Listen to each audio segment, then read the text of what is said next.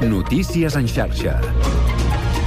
Bona tarda, són les 4, us parla Mercè Roura. La vicepresidenta i ministra de Treball, Yolanda Díaz, arrenca amb els agents socials les negociacions per concretar com es portarà a terme la reducció de la jornada laboral de les actuals 40 hores setmanals a les 37 hores i mitja. La patronal ja ha expressat la seva oposició mentre que els sindicats ho celebren. Núria Gilgado, secretària de Política Sindical d'UGT. És una mesura més que necessària per eh, la vida eh, perquè hem de tenir més temps eh, per poder gaudir de, de la família, del temps eh, personal, de lo que cadascú vulgui elegir fora de la seva jornada laboral i també és una qüestió essencial per la seguretat i la salut de les persones treballadores. Hem de tenir en compte que augmenten de manera substancial les enfermetats relacionades amb la salut mental eh, i això té molt a veure amb jornades laborals doncs, que són molt llargues Dilluns passat, la ministra va assegurar davant el Congrés que aquesta reducció era una prioritat de l'executiu durant aquesta legislatura i va advertir que es faria amb o sense el suport dels empresaris.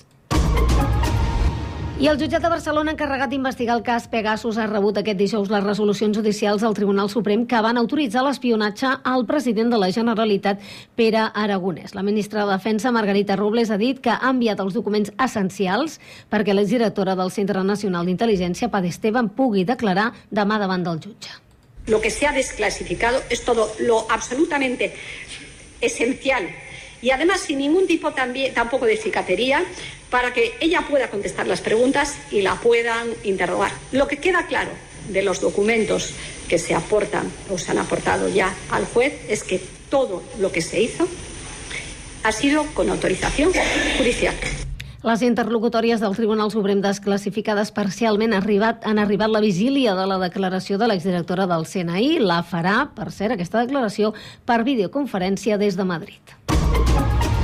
I no deixem els tribunals perquè el jutge d'instrucció del cas Rubiales a l'Audiència Nacional conclou que el petó que va fer Rubiales a la futbolista Jennifer Hermoso al Mundial del 2023 a Austràlia no va ser consentit. El magistrat considera que l'acció per part del llavors president de la Federació Espanyola de Futbol va ser una iniciativa unilateral i sorpresiva i demana que s'obri un judici oral contra ell. I acabem amb un apunt perquè una vintena de tècnics de gestió del patrimoni de tot l'Estat es reuneixen avui i demà a Berga per parlar dels reptes del sector. El Ministeri de Cultura ha triat la ciutat per fer-hi aquesta trobada anual després de rebre l'oferiment de l'Ajuntament en el marc de les negociacions pel futur de la Patum. És tot de moment. Tornem a més notícies. Notícies en xarxa. 4 i 3 minuts. Comença el Connectats.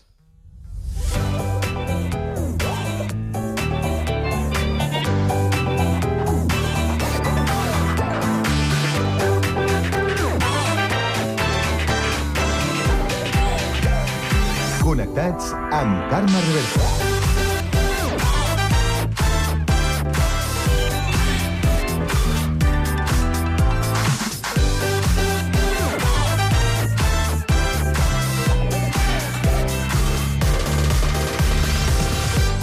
Molt bona tarda, salutacions i benvinguts al magazín de tarda de la xarxa al Connectats de l'àrea metropolitana de Barcelona, programa que fem i que més sabeu que podeu seguir a través de Ràdio Sant Cugat, Ràdio Sabadell, la Municipal de Terrassa, el Prat Ràdio, Ràdio Ciutat de Badalona i Ràdio Castellà. Una salutació de tot l'equip, conduït a la part tècnica per Pablo Palenzuela, Sami Fernández a la producció i de qui us parla, Carme Reverte. Avui és dijous 25 de gener i volem saber quin temps ens espera aquesta tarda. Lluís Mi Pérez. Bona tarda. Sens dubte que la paraula que defineix la temperatura que estem tenint és desbocada. Avui hem passat dels 25 graus Sobretot a l'interior de Girona, la zona 0 ha estat la Garrotxa. I, en canvi, els núvols no s'han acabat de desfer i encara han vomitat i una mica de boirina a la terra ferma. De fet, al Sagrià, per exemple, hem passat poc dels 10 graus de màxima. Al llarg d'aquesta nit, aquestes boires al sud de Lleida, de totes les planes interiors, anirà més, es tornarà a fer molt extensa, i alguna boira tanmateix afectarà alguns trams de la costa. Per una banda, entre el Maresme i la Selva, i per una altra, sobretot el camp de Tarragona. Però ja diem, boires molt arrapades a mar. Aguantaran a estones durant el divendres, però sobretot mar endins, i les de Lleida també aguantaran gairebé tot el dia, fent que una altra vegada la terra ferma no faci gaire calor. A la resta del país, en canvi, el divendres tornarà a ser molt i molt suau, i de fet molt més del que és habitual. Us seguirem a la xarxa. Avui al Connectats preguntarem què és millor, comprar o llogar. Copsarem la situació del mercat immobiliari amb Josep Maria Sagarra de Nova Finques de Castellà del Vallès. Acabarem aquesta primera hora amb la tertúlia generalista per analitzar el nou acord polític de la Unió Europea amb el focus posat en la gestació subrogada, el matrimoni forçat i les adopcions il·legals i els resultats d'una nova enquesta sobre la por a les agressions sexuals. A partir de les 5 coneixerem l'entitat pretenca en femení, un club de lectura que celebra 5 anys. Continuarem amb patrimoni per descobrir el Mercat de la Independència de Terrassa i acabarem amb cultura i una nova visita de les Dames del Crim des de Castellà del Vallès. Tot això i més, des d'ara i fins a les 6 de la tarda, a la vostra emissora local. Connectats? Comencem.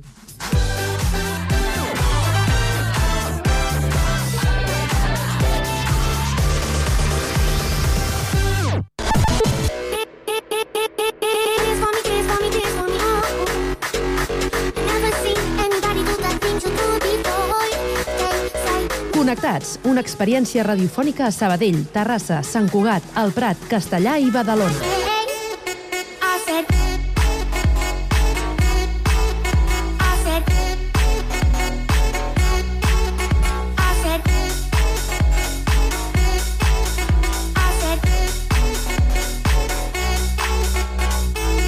Connectats amb Carme Reverte.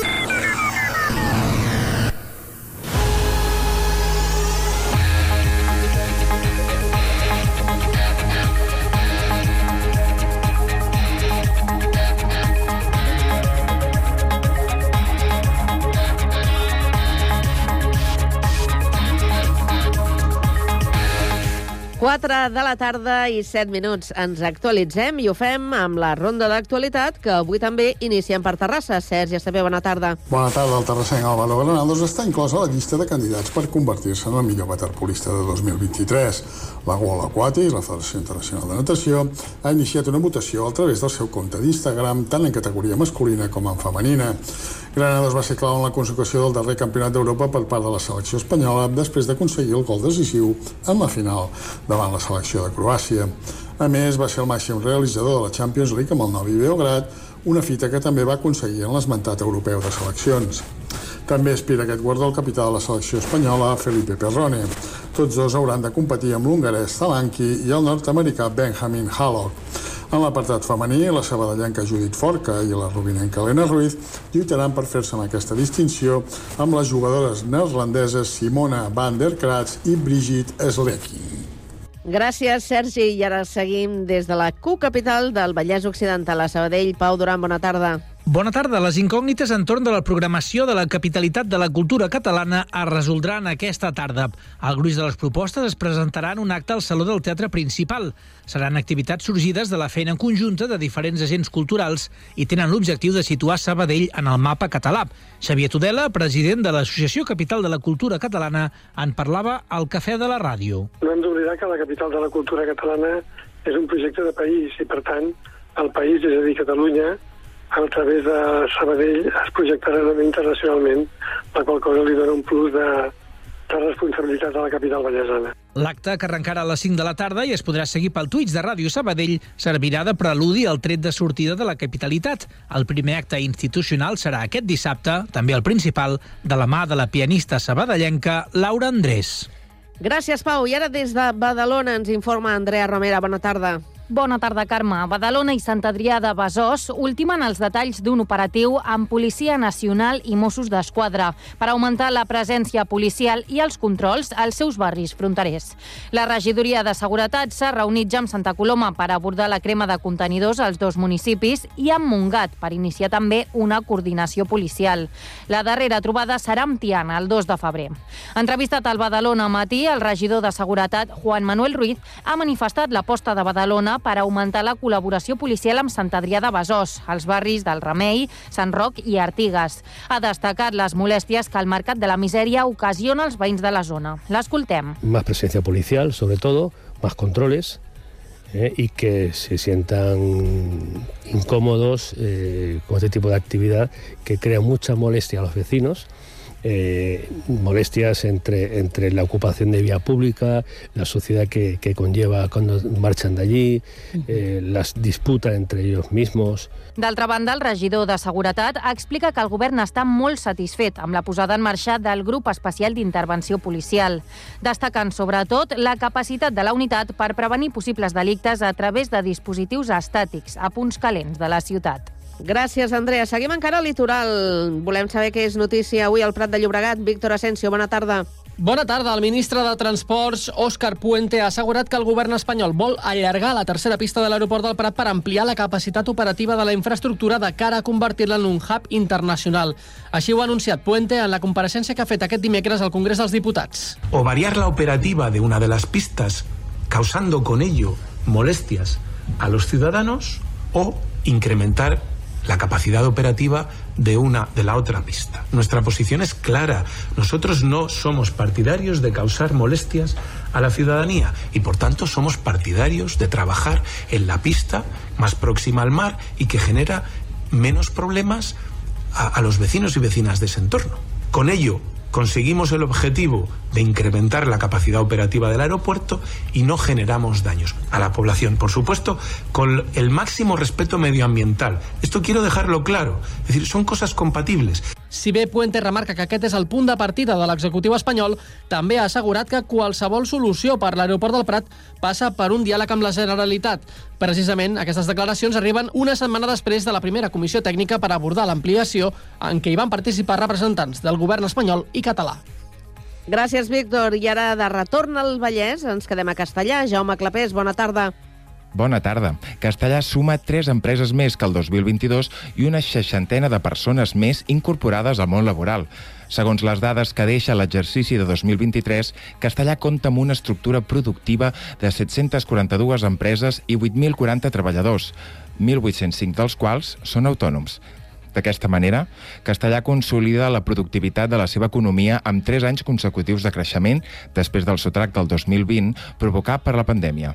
Per sectors, els assalariats castellarencs estan majoritàriament empleats en el sector serveis, un 54%, en el sector industrial, un 38,6%, en la construcció, un 7%, i a nivell residual, en l'agricultura, només 5 persones.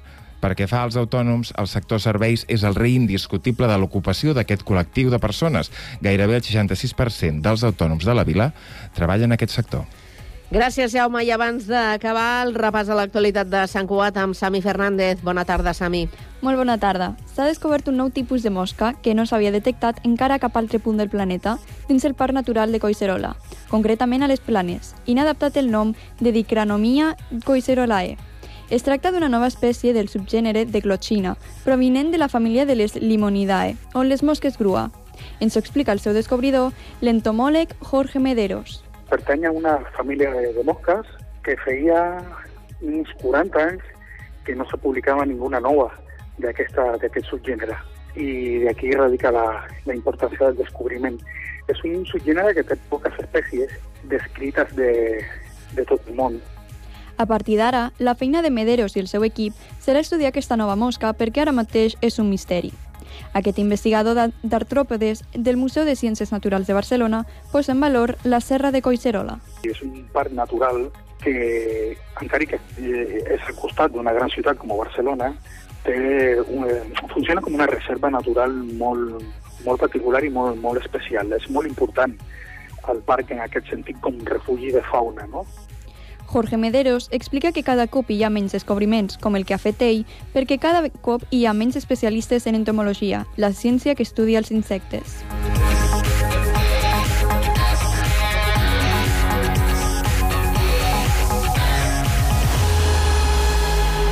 A la tarda, no et desconnectis.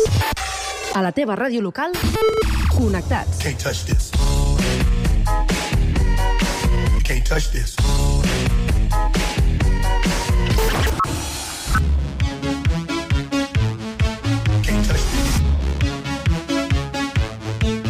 This. Connectats amb Carme Rebell.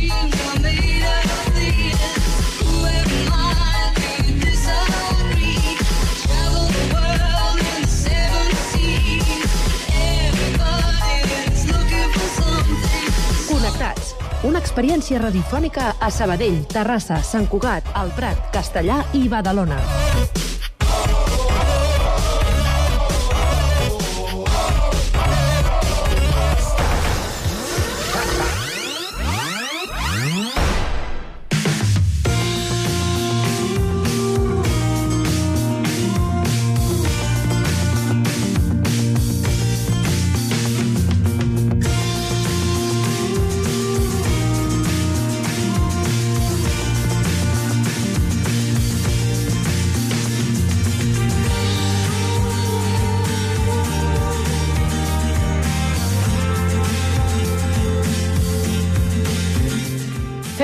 Repàs analític al mercat immobiliari. És un bon moment per comprar? Eh, millor obra nova o segona mà? Doncs eh, anem a veure en quin estat es troben eh, totes aquestes qüestions. Volem saber de preus, volem saber de les eh, diferents opcions.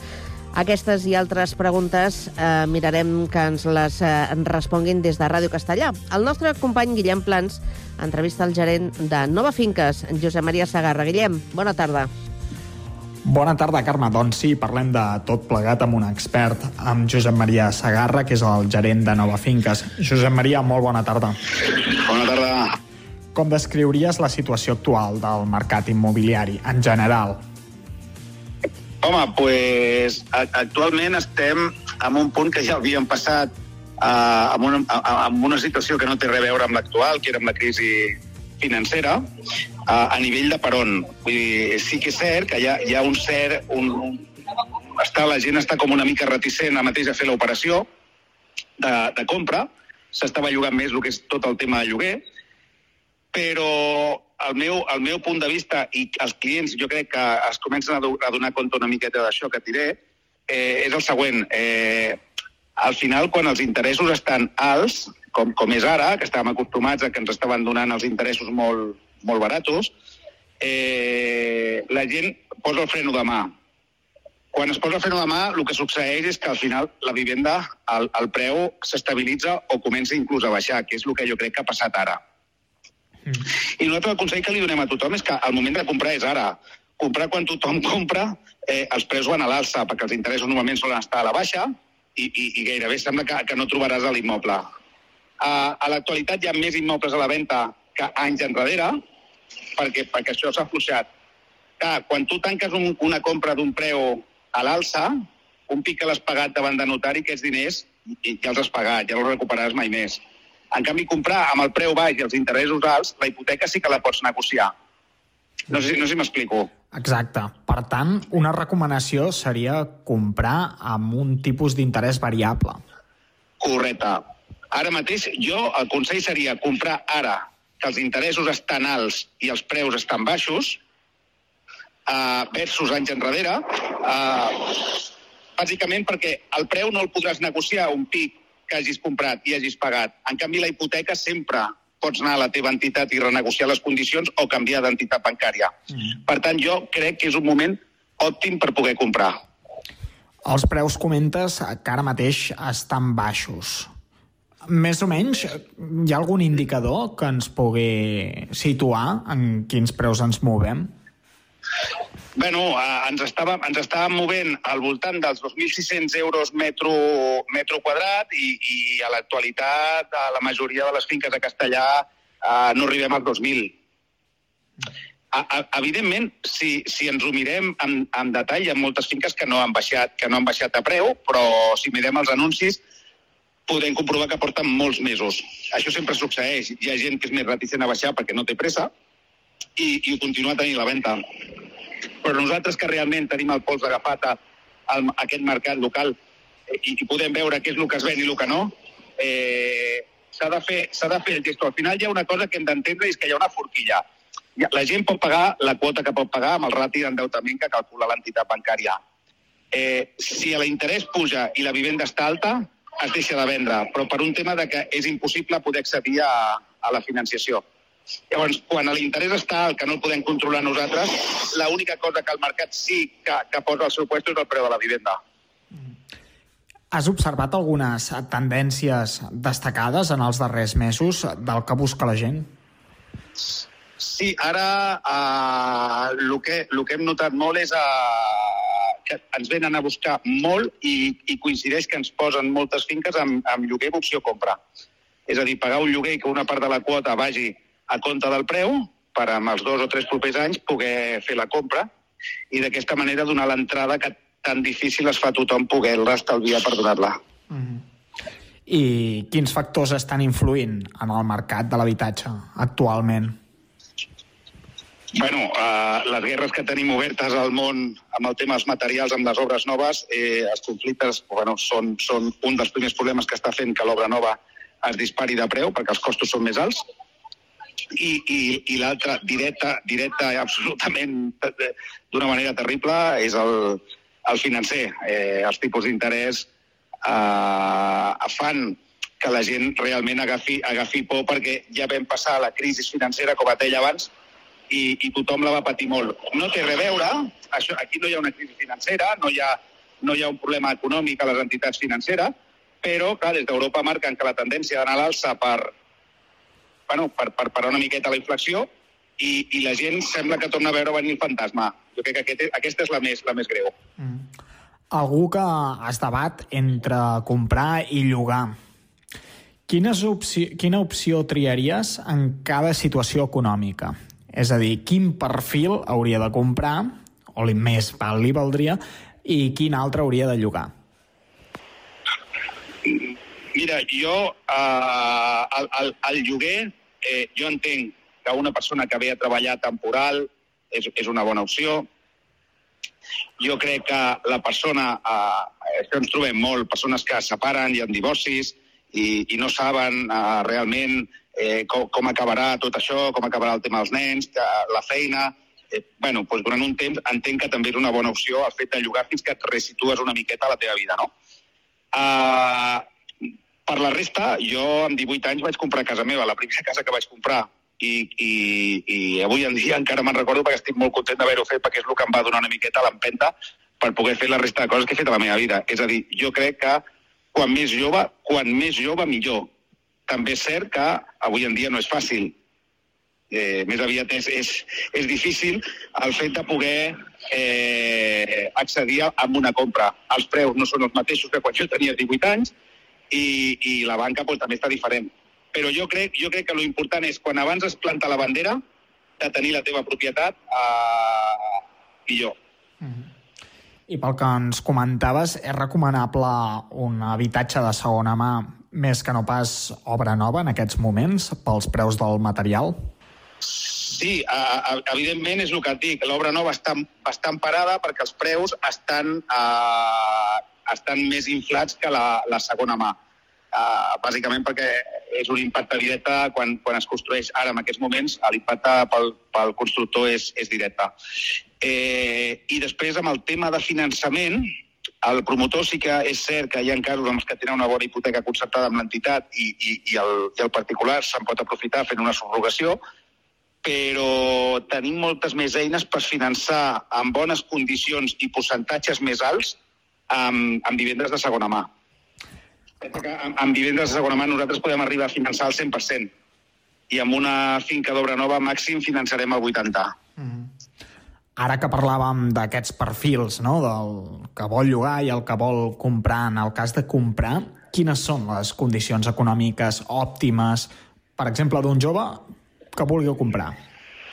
Un jove per venir a comprar sobre el paper ha de venir, o sigui, la, la teoria del Banc d'Espanya i, per tant, de les entitats financeres, eh, és que ha de venir amb eh, un 11,5 aproximadament d'entrada per pagar despeses, més, com a mínim, un altre 10% del valor de la vivenda. Clar, això suposa que si és una finca d'un preu mig a Castellà, jo què sé, de 180.000 euros, doncs ha de venir amb 18.000 euros eh, d'una banda per pagar despeses, 18-20.000 euros aproximadament per pagar despeses, més el 10%, que ha de tenir 38.000 euros. Que, eh, això seria el perfil ideal. I després, que amb el rati, el rati d'endeutament que calcula l'entitat és que dels ingressos que tenen les persones que demanen la hipoteca, amb el 35% han de poder assolir la quota. Si no, si no arriben, eh, representa que tenen poca capacitat de retorn. I ara canviarem de perfil. El venedor. Quins consells li donaries en un venedor? Bueno, uh, hi ha molta gent que, que quan arrenca amb el preu de venda de casa seva uh, es, es deixa influenciar per les persones que li diuen no, demana eh, 250, que no sé qui va vendre eh, l'any 2006 per 250, coi, estem al 23, pots demanar... Al final hi ha una, hi ha una cosa que és, és, que, que, que és bàsica. El, el propietari ha de saber realment quan val la seva vivenda. I més enllà de que nosaltres, com a professionals, els hi puguem aconsellar, el que ha de veure, que això ho podrà veure molt fàcil amb els portals, és quins són els preus de les finques que s'estan venent. O sigui, quan hi ha una finca penjada en un portal immobiliari i porta un any, aquell preu no és el preu. Aquell és el preu que algú ha posat. Llavors, si tens ganes de vendre, si ets venedor realment, eh, has de posar la casa a, o la vivenda o el pis, el que sigui, a, a, a un preu de mercat.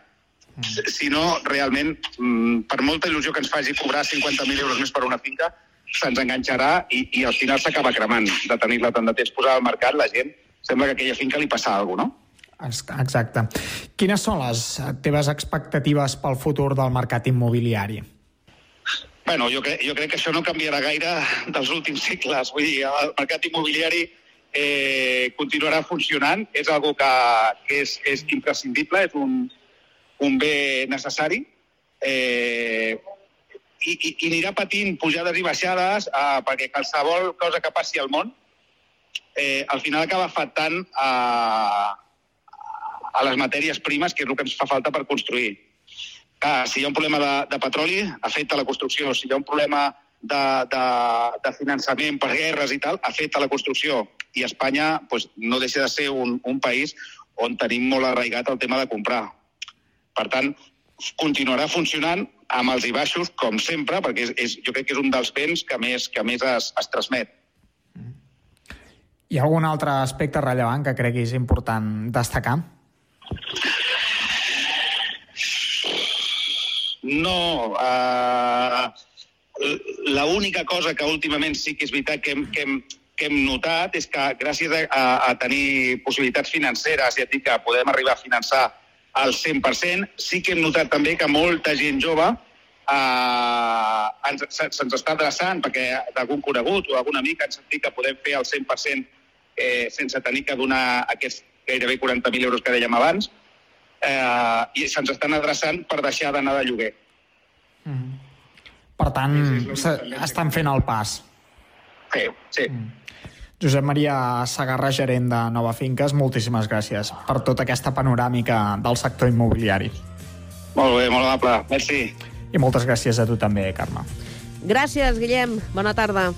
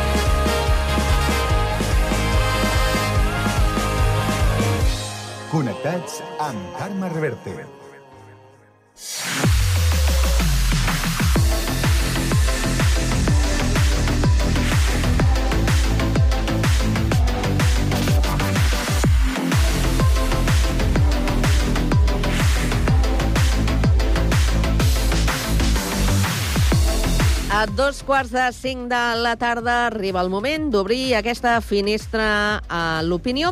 La tertúlia Tres Bandes, que avui la fem amb el Manel Esteban, coach empresarial, expert en comercialització i gestió de vendes. El tenim a Badalona. Manel, bona tarda. Bona tarda, Carme i companys. Eh, una tarda preciosa, Sí. una tarda de primavera, no? La veritat és que em sembla que no estiguem a l'hivern, però bueno, eh, algun dia plourà, esperem que sí. Esperem, esperem, esperem. Eh, anem a Terrassa. Ja hi tenim el Joan Tamayo, que és advocat i activista. Joan, bona tarda. Hola, bona tarda a tothom. Com estàs? Bé, bé, i vosaltres? També, també, esperant, com deia abans el Manel, que plogui i amb una certa continuïtat, perquè si no d'aquí dos dies ja estarem pendents de les aixetes. A veure si raja més pressió o menys. Ho tenim una mica dur, això de la pluja, em sembla. Està, està complicat, la veritat és que sí. Sí, sí. I saludem a la Cristina Roniz, que és consultora experta en recursos humans i gestió de, del talent. La tenim aquí a Sant Cugat, a l'estudi. Cristina, què tal? Hola, bona tarda. Molt bé. Bona temperatura, no?, avui, Sí, sí, per sí. passejar. La veritat és que sí. Però esperant, com dèiem, la pluja. I tant. A veure si arriba. Ah Bé, doncs eh, anem a abordar alguns dels temes de- d'actualitat i avui eh, ens aturem amb, amb un tema de, de, d'una sensibilitat, podríem dir que, que especial, perquè la Unió Europea, tant el Consell com el Parlament, han tancat un acord eh, polític per incloure, juntament amb el matrimoni forçat o les adopcions il·legals a la llista de delictes contra el tràfic d'éssers humans, la gestació subrogada, sempre i quan doncs, eh, hi hagi doncs, eh, una coacció o un engany a, a la mare. Eh, es comencen a, a endurir una miqueta totes aquestes eh, pràctiques amb aquest acord que no sé com valoreu, com, com el veieu vosaltres. Eh? Són diferents eh, qüestions, perquè potser, si volem, ho podem eh, desgranar un, una miqueta, el que seria la gestació subrogada eh, i, i després le, la, les adopcions il·legals i el matrimoni forçat, però vaja, en general que s'endureixin eh, eh, les penes per aquestes pràctiques a la Unió Europea, què, què us sembla? Manel, vols començar? Jo crec- Sí, sí, jo crec que clama al cel. O sigui, és algo que, que és normal que sigui regulat i que dongui les màximes garanties perquè totes aquestes pràctiques, no? que són pràctiques que fins a cert punt doncs, comporten, sobretot el tema de la subrogació, estem parlant de que a darrere normalment solen haver-hi eh, una parella que realment desitgen eh, algo que, que no tenen, que no tenen la possibilitat, i aleshores pues, eh, estarien disposats a, inclús molt, en molts casos, a incomplir la llei, i aleshores sí que té que haver-hi una regulació, té que haver-hi una regulació sí o sí per totes les, les pràctiques que, sé, que heu en, enumenat, perquè si no això seria jauja i aquí qualsevol camparia. I sobretot el més important eh, promouria màfies, màfies que es dediquessin a fer aquest tipus de, de, de béns, de, de, de coses que eh, poden... que sí, que eh, hi ha gent que el demana i sempre, jo sempre ho dic, que sempre que hi ha una, demen, eh, una demanda hi haurà una oferta, però dintre de les ofertes té que haver-hi una regulació que lo controli no? i que permeti eh, que aquestes coses es facin amb unes garanties. Això passa molt, molt sovint en el tema, per exemple, de les pròpies adopcions. O sigui, quan s'adopta un, un nen, no són poques les famílies que, havent complit tots els requisits per, ser, per tindre una adopció adequada, al cap d'uns mesos o d'un temps no, volen tornar a aquesta adopció perquè no era el que ells buscaven o perquè han trobat que la millor tenia un caràcter o un temperament com si estiguessin adoptant a, a un gosset o, o algun animal de companyia, no? Mm. I per desgràcia és així, no? Eh, si això passa ja amb complint totes les normes que, que surten de la Unió Europea, ja no dic si no, si no haguessi una regulació, si no hi ha una regulació, això seria, eh, seria una disbauxa total, eh? El que, el que es fa en aquest cas és bàsicament endurir la, les penes quan eh, es tracta d'un intercanvi econòmic, d'un intercanvi comercial, és a dir, quan hi ha un negoci al, al darrere. Però, és el, però, sí. però negoci, no, negoci tot, eh, tot és negoci, eh? o sigui, perquè una, perquè una persona tingui una, una, una gestació, ja, ja no solament el tema d'implantació d'úters, etc etc. estem passant, estem, no, no, suposo que vosaltres també coneixereu algun matrimoni que s'ha sumès a, a, a teràpies d'aquestes per poder-se quedar la dona embarassada, no? i a qualsevol li ha costat molts diners, o sigui, qualsevol que ha volgut tindre un nen i no podíem, per fer aquest tipus de tractaments ha costat molts diners, no? Els diners no ho són tot, el que té que haver és una regulació, però és normal fins a cert punt que si es fan en garanties, sobretot en garanties mèdiques, no? pues hi hagi una regulació que faci que això no ho pugui fer qualsevol. Joan. Sí, no, de fet, eh, començant per això últim, eh, de fet s'arriba tard, com, com la majoria de vegades en aquestes coses, perquè ara parlàveu de màfies i les màfies ja existeixen, o sigui, les, les agències d'intermediació que existeixen en aquests casos que estan funcionant ja fa temps, ja per mi és com una mena de màfia. Eh, I a més a més, és un tema que està, hi ha moltes contradiccions, està molt discutit, però en canvi trobes països com per exemple Estats Units i Ucraïna on està regulat comercialment i altres que no està, està regulat però sense, sense que hi hagi dosi en definitiva, que hi ha un, un, un, o sigui, hi ha un, un problema perquè no s'ha fet bé les coses com sempre. A Espanya recordo que la gestació subrogada és il·legal sí. des del 2006 i que, a més a més, una sentència del Tribunal Suprem del 2022 ho va ratificar amb, una, amb un cas concret d'una dona, eh, una mare mexicana sobre el que es pronunciava, que dient, dient textualment, ho dic perquè és molt, molt, molt il·lustratiu, diu, eh, en, eh, eh, significa un dany a l'interès superior del menor i una explotació de la dona que són inacceptables, ja que tant la dona com el nen són tractats com objectes, no com a persones dotades de dignitat pròpia de la condició de ser humans.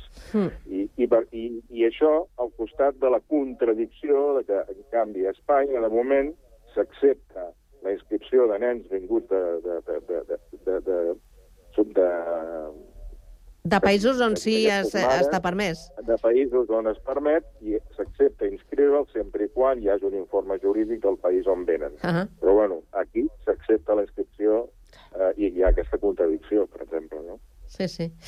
Cristina. Bueno, totalmente de acuerdo con lo que comentan los compañeros. A mí me parece muy bien que se, que se endurezcan y que hayan unas penas, porque estamos hablando de, de tráfico de, de seres humanos.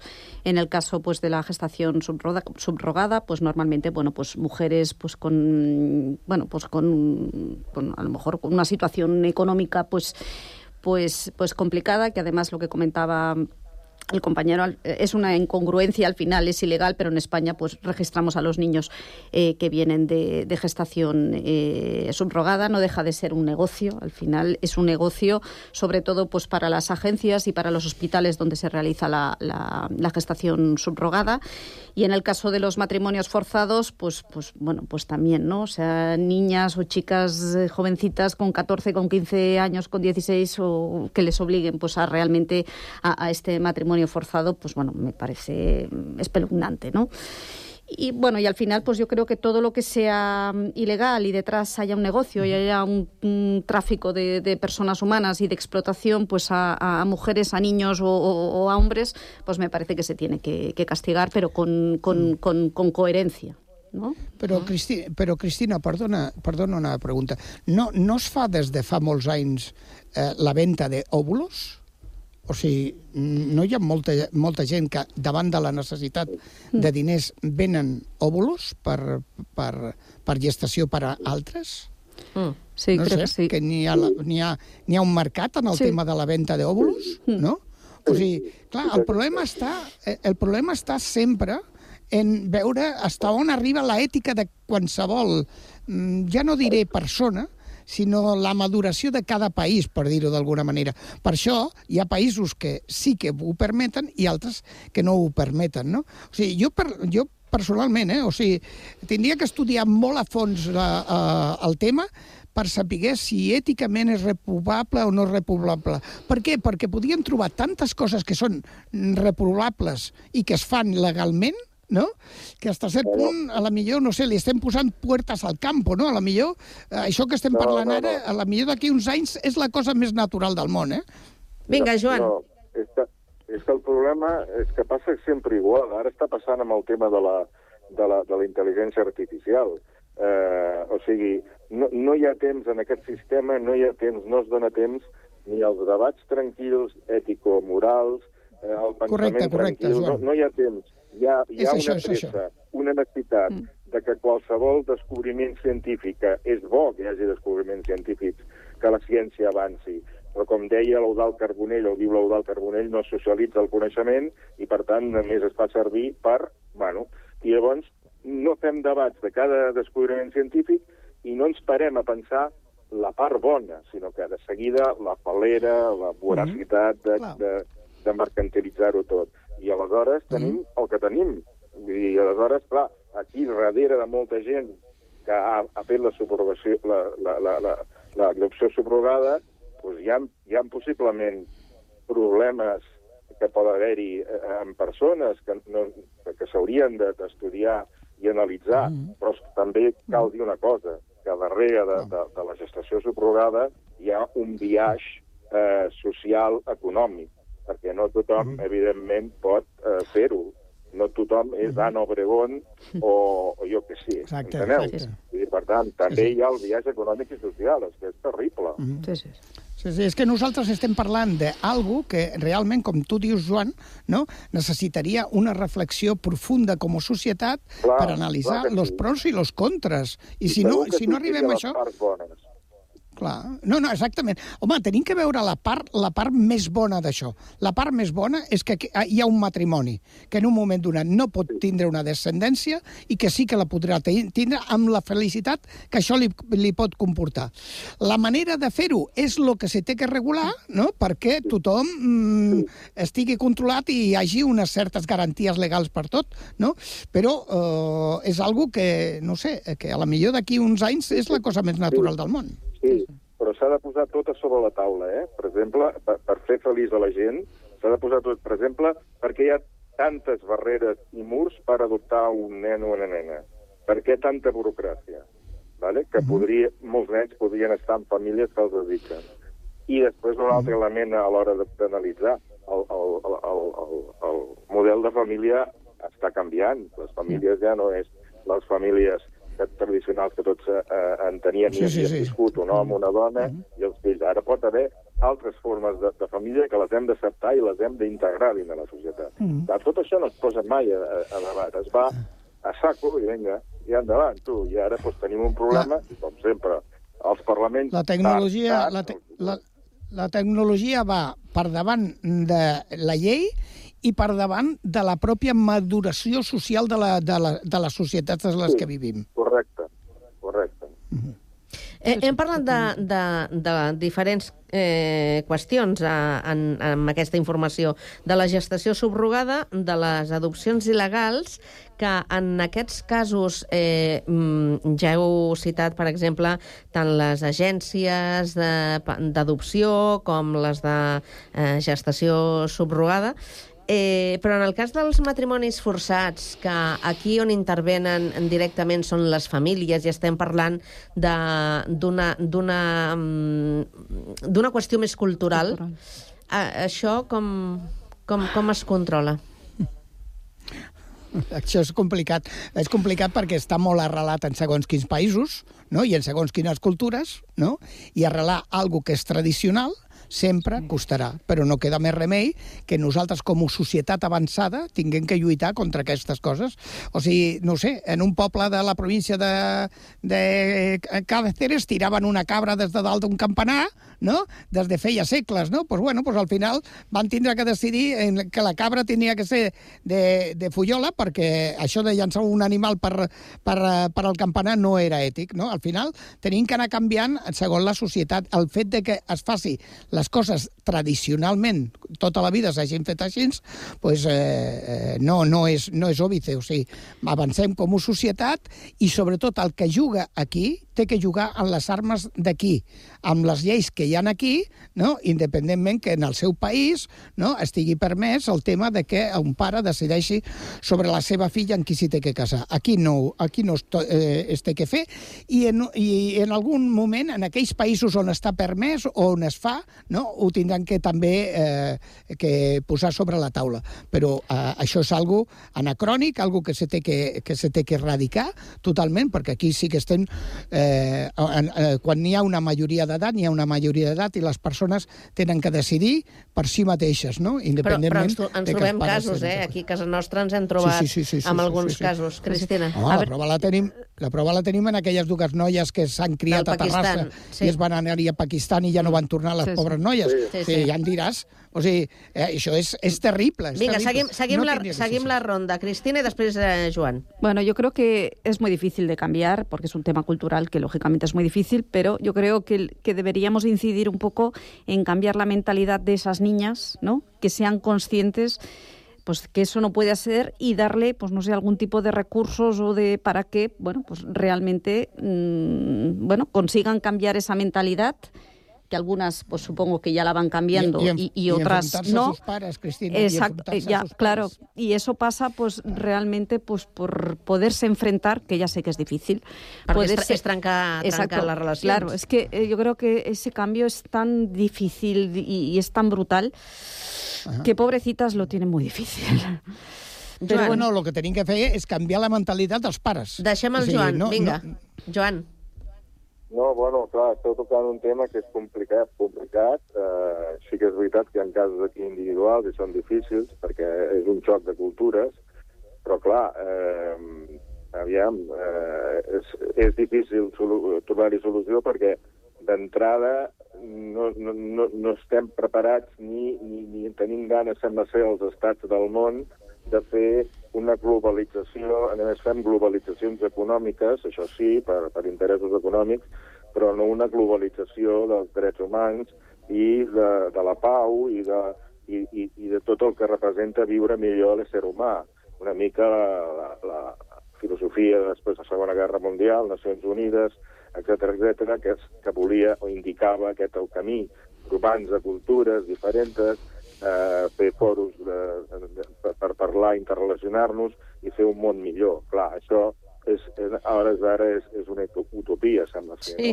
No? Sí, sí, sí, ho és, sí. Eh, llavors ho tindrem molt difícil. El xoc de cultures hi serà sempre, aquí o, o, o un altre lloc. I llavors, doncs, Mm. bueno, no sé, ho haurem de treballar, ho hem de treballar-ho, això.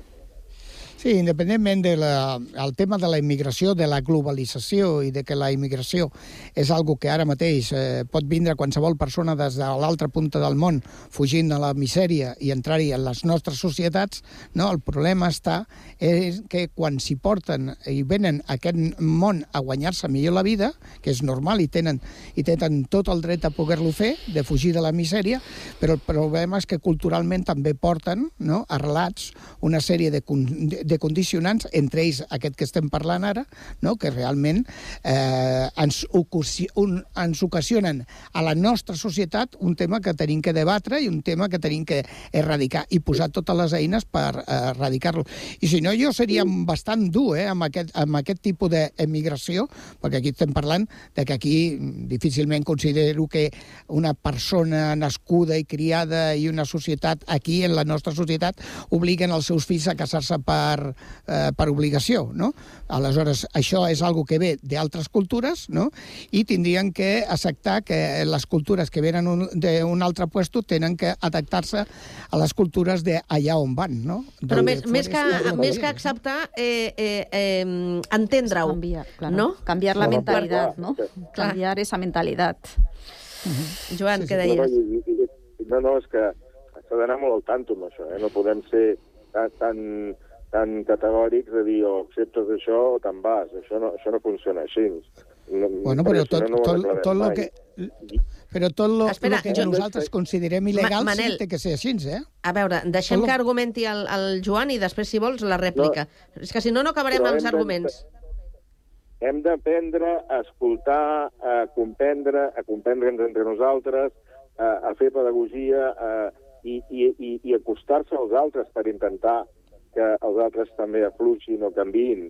Perquè si, si de, seguida, de seguida hi ha un rebuig, no ho aconseguirem mai. Els expulsem i Bueno. bueno, i ens hem tret el problema de sobre. Això no és. Però aquí, des, de, des del primer dia que arriba a Espanya un subsaharià que en el seu país està permès o tolerat el tema de l'ablació del clítoris, des del moment que pisa, trepitja aquest món, el nostre món, des del moment que ho, que, que ho trepitja, això lo tenim que erradicar. Des d'aquell moment. No tenim que anar, No, no, oye, a veure si prohibit. realment t'agrada o no t'agrada. No, no, no. O sigui, des, Però des del no, no, moment no, que no, no, arriba... però aquest, no, no, però aquest tema que m'has dit no, no, no consta. que Aquest tema està prohibit legalment, no pot fer, està prohibit, ja està, punto. La llei l'ha de Bueno, però també- Però no parlo Però també té que, no però parlo també de- té que estar prohibit el que, el que obligui uns pares a casar-se a la seva filla contra la seva voluntat. És Això que que hi hagi prohibicions no vol dir que no passin coses que de tant en tant doncs, Clar, a, clar, a, a clar, les sí, sí. notícies Com lo eh, controlas, eh, eso. veiem Sí, que sí, surten doncs, casos que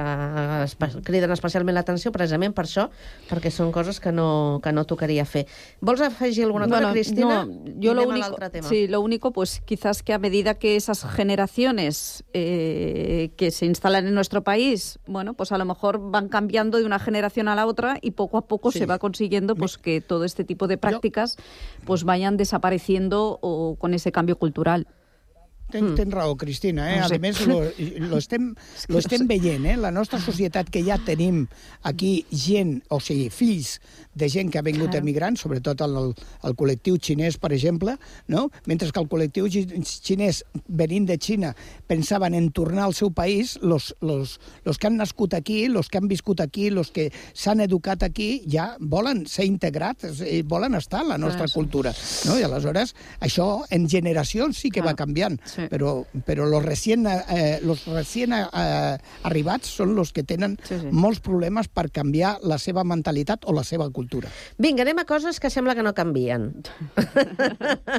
anem a coses que sembla que no canvien segons els resultats de, de l'última enquesta del Centre d'Estudis d'Opinió que ens explica, entre altres coses, que el 70% de les dones té por de patir una agressió sexual al carrer de nit. De nit. Això mm, no, no canvia. Vols dir que no és el 100%? Mm, no ho sé. Ah, A mi, perdona, a mi no, no, això, jo- a mi això A- ja a- em, sem a- em sembla línia- bastant. Que pugui ser més, també. No, No, no, a- no aquí tenim dues dones, tenim dues dones en, en línia, la Però- Cristina eh, no, i la Carme. Sí, no, però, a veure, Manel- Vosaltres no, no patiu? No Jo patiu sí, per jo una sí. nit que us passi una agressió sexual? Bueno, jo, veure. jo, mira, sincerament, jo crec que portem tota la vida patint. Ara, Això, ara potser, sí. quan, amb una certa edat, doncs ja, mira, ja dius, mm, per què patir, no? Però igualment sí que és veritat que existeix aquest patiment. Però és que Clar. posem aquests resultats, aquesta enquesta, eh, en, en contrast amb una enquesta de la setmana passada de, del CIS sobre la percepció eh, sobre la igualtat entre homes i dones val? que parlava d'un 44% d'homes i un 32% de dones que deien que s'havia anat massa lluny promocionant la igualtat. A veure, en què quedem? Eh, Bueno, yo tal, que- Venga, va, tal y como comentábamos antes, sobre todo, o sea, me preocupa mucho que el, que el 44% de los hombres consideren que ahora los discriminados son ellos, porque creo que no es así, pero me preocupa todavía más que haya un 37% de mujeres, o un 30 y algo, Un 32. o 32, que considere que los hombres ahora son los discriminados. O sea, me parece mm, o sea, no, no entiendo, me parece brutal que, que- que- que haya esa percepción y yo creo que se está confundiendo un poquito, un poquito todo, eh, todo el tema de, de la igualdad, todo el tema del, del feminismo, creo que, que se está, que se está confundiendo. Vols dir que aquí no hi ha Entonces- interessos, Cristina? Eh? No hi, haurà, no hi ha interessos per part d'algunes, d'algun tipus de col·lectius en banalitzar el tema del feminisme i en banalitzar eh, aquesta embrencida que ha pres la igualtat? O sigui, no hi haurà un col·lectiu que realment estigui lluitant en contra de que això sigui així? Per Bueno. què? Perquè jo crec que socialment s'ha avançat molt, sí. però encara hi ha un camí per recórrer incommensurable, Sí, sí, o sigui, totalmente. enorme. ¿no? Totalmente de acuerdo. Aleshores, Yo creo que pues, estamos... hi ha- hi- Yo creo que hi habrà estamos... algú que li interessa, eh, hi haurà algú que li interessa, no?, Jo en, creo- en entrar a aquest debat, en entrar al debat de que els homes són los discriminats. Jo no lo acabo de veure així, desde luego. Bueno, mm, en algunos círculos yo a veces un poco he hecho el comentario o he hecho la prueba a ver qué me decían, en algunos así círculos sociales, ¿no? En los que me muevo, y sí que lo escucho, ¿eh? Realmente eh, a mí me sorprende. Yo creo que mm, algunos temas del feminismo se han politizado y, y creo que nos ha hecho mucho daño. Creo que han- ha habido un cambio importante en, en la sociedad. eh, estamos en el camino, se han conseguido muchas cosas, pero eh, también algunas cosas creo que se nos están girando Ens en jugat a contra. la contra, vols dir. Exacto, se nos están girando en contra. Entonces, eh, bueno, creo que el Ara, quizás... quan, quan acabi la Cristina, el Joan. Vale. Creo que quizás eh, se ha- eh, nos hemos ido, se han ido a un discurso un poquito radical y tenemos que volver a la moderación y a que el feminismo, o yo en mi caso lo entiendo así, es defender la igualdad de oportunidades para los hombres y para las mujeres. Totalment d'acord. Entonces, bueno, creo que tenemos un, un camino y, y que tenemos que ir en, en esa línea. Vinga, Joan. No, no, sí. Dos coses ràpides. El feminisme ha de ser una revolta no dogmàtica que exclogui d'entrada als homes o a ningú. O sigui, és una, ha de ser una revolta pedagògica, de, de consens social, de debat social, no polititzat. I, i és molt necessari avançar en el feminisme. I crec que s'han fet coses i s'han avançat, però encara en queden moltes. La, la, la realitat, les dades. Tot i que eh, jo, aquestes enquestes que es fan, tot això, jo crec que les poso una mica en quarantena, perquè Mm. hi ha bastanta manipulació, hi ha el, el, el terme explicat en molts informes de la por social.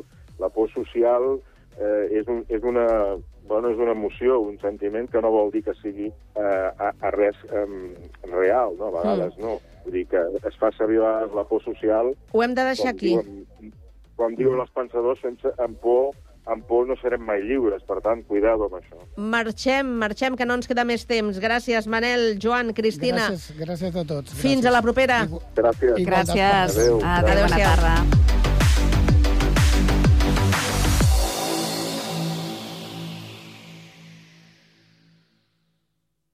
A Ràdio Sant Cugat gaudim de la música. Gaudeix-la amb nosaltres.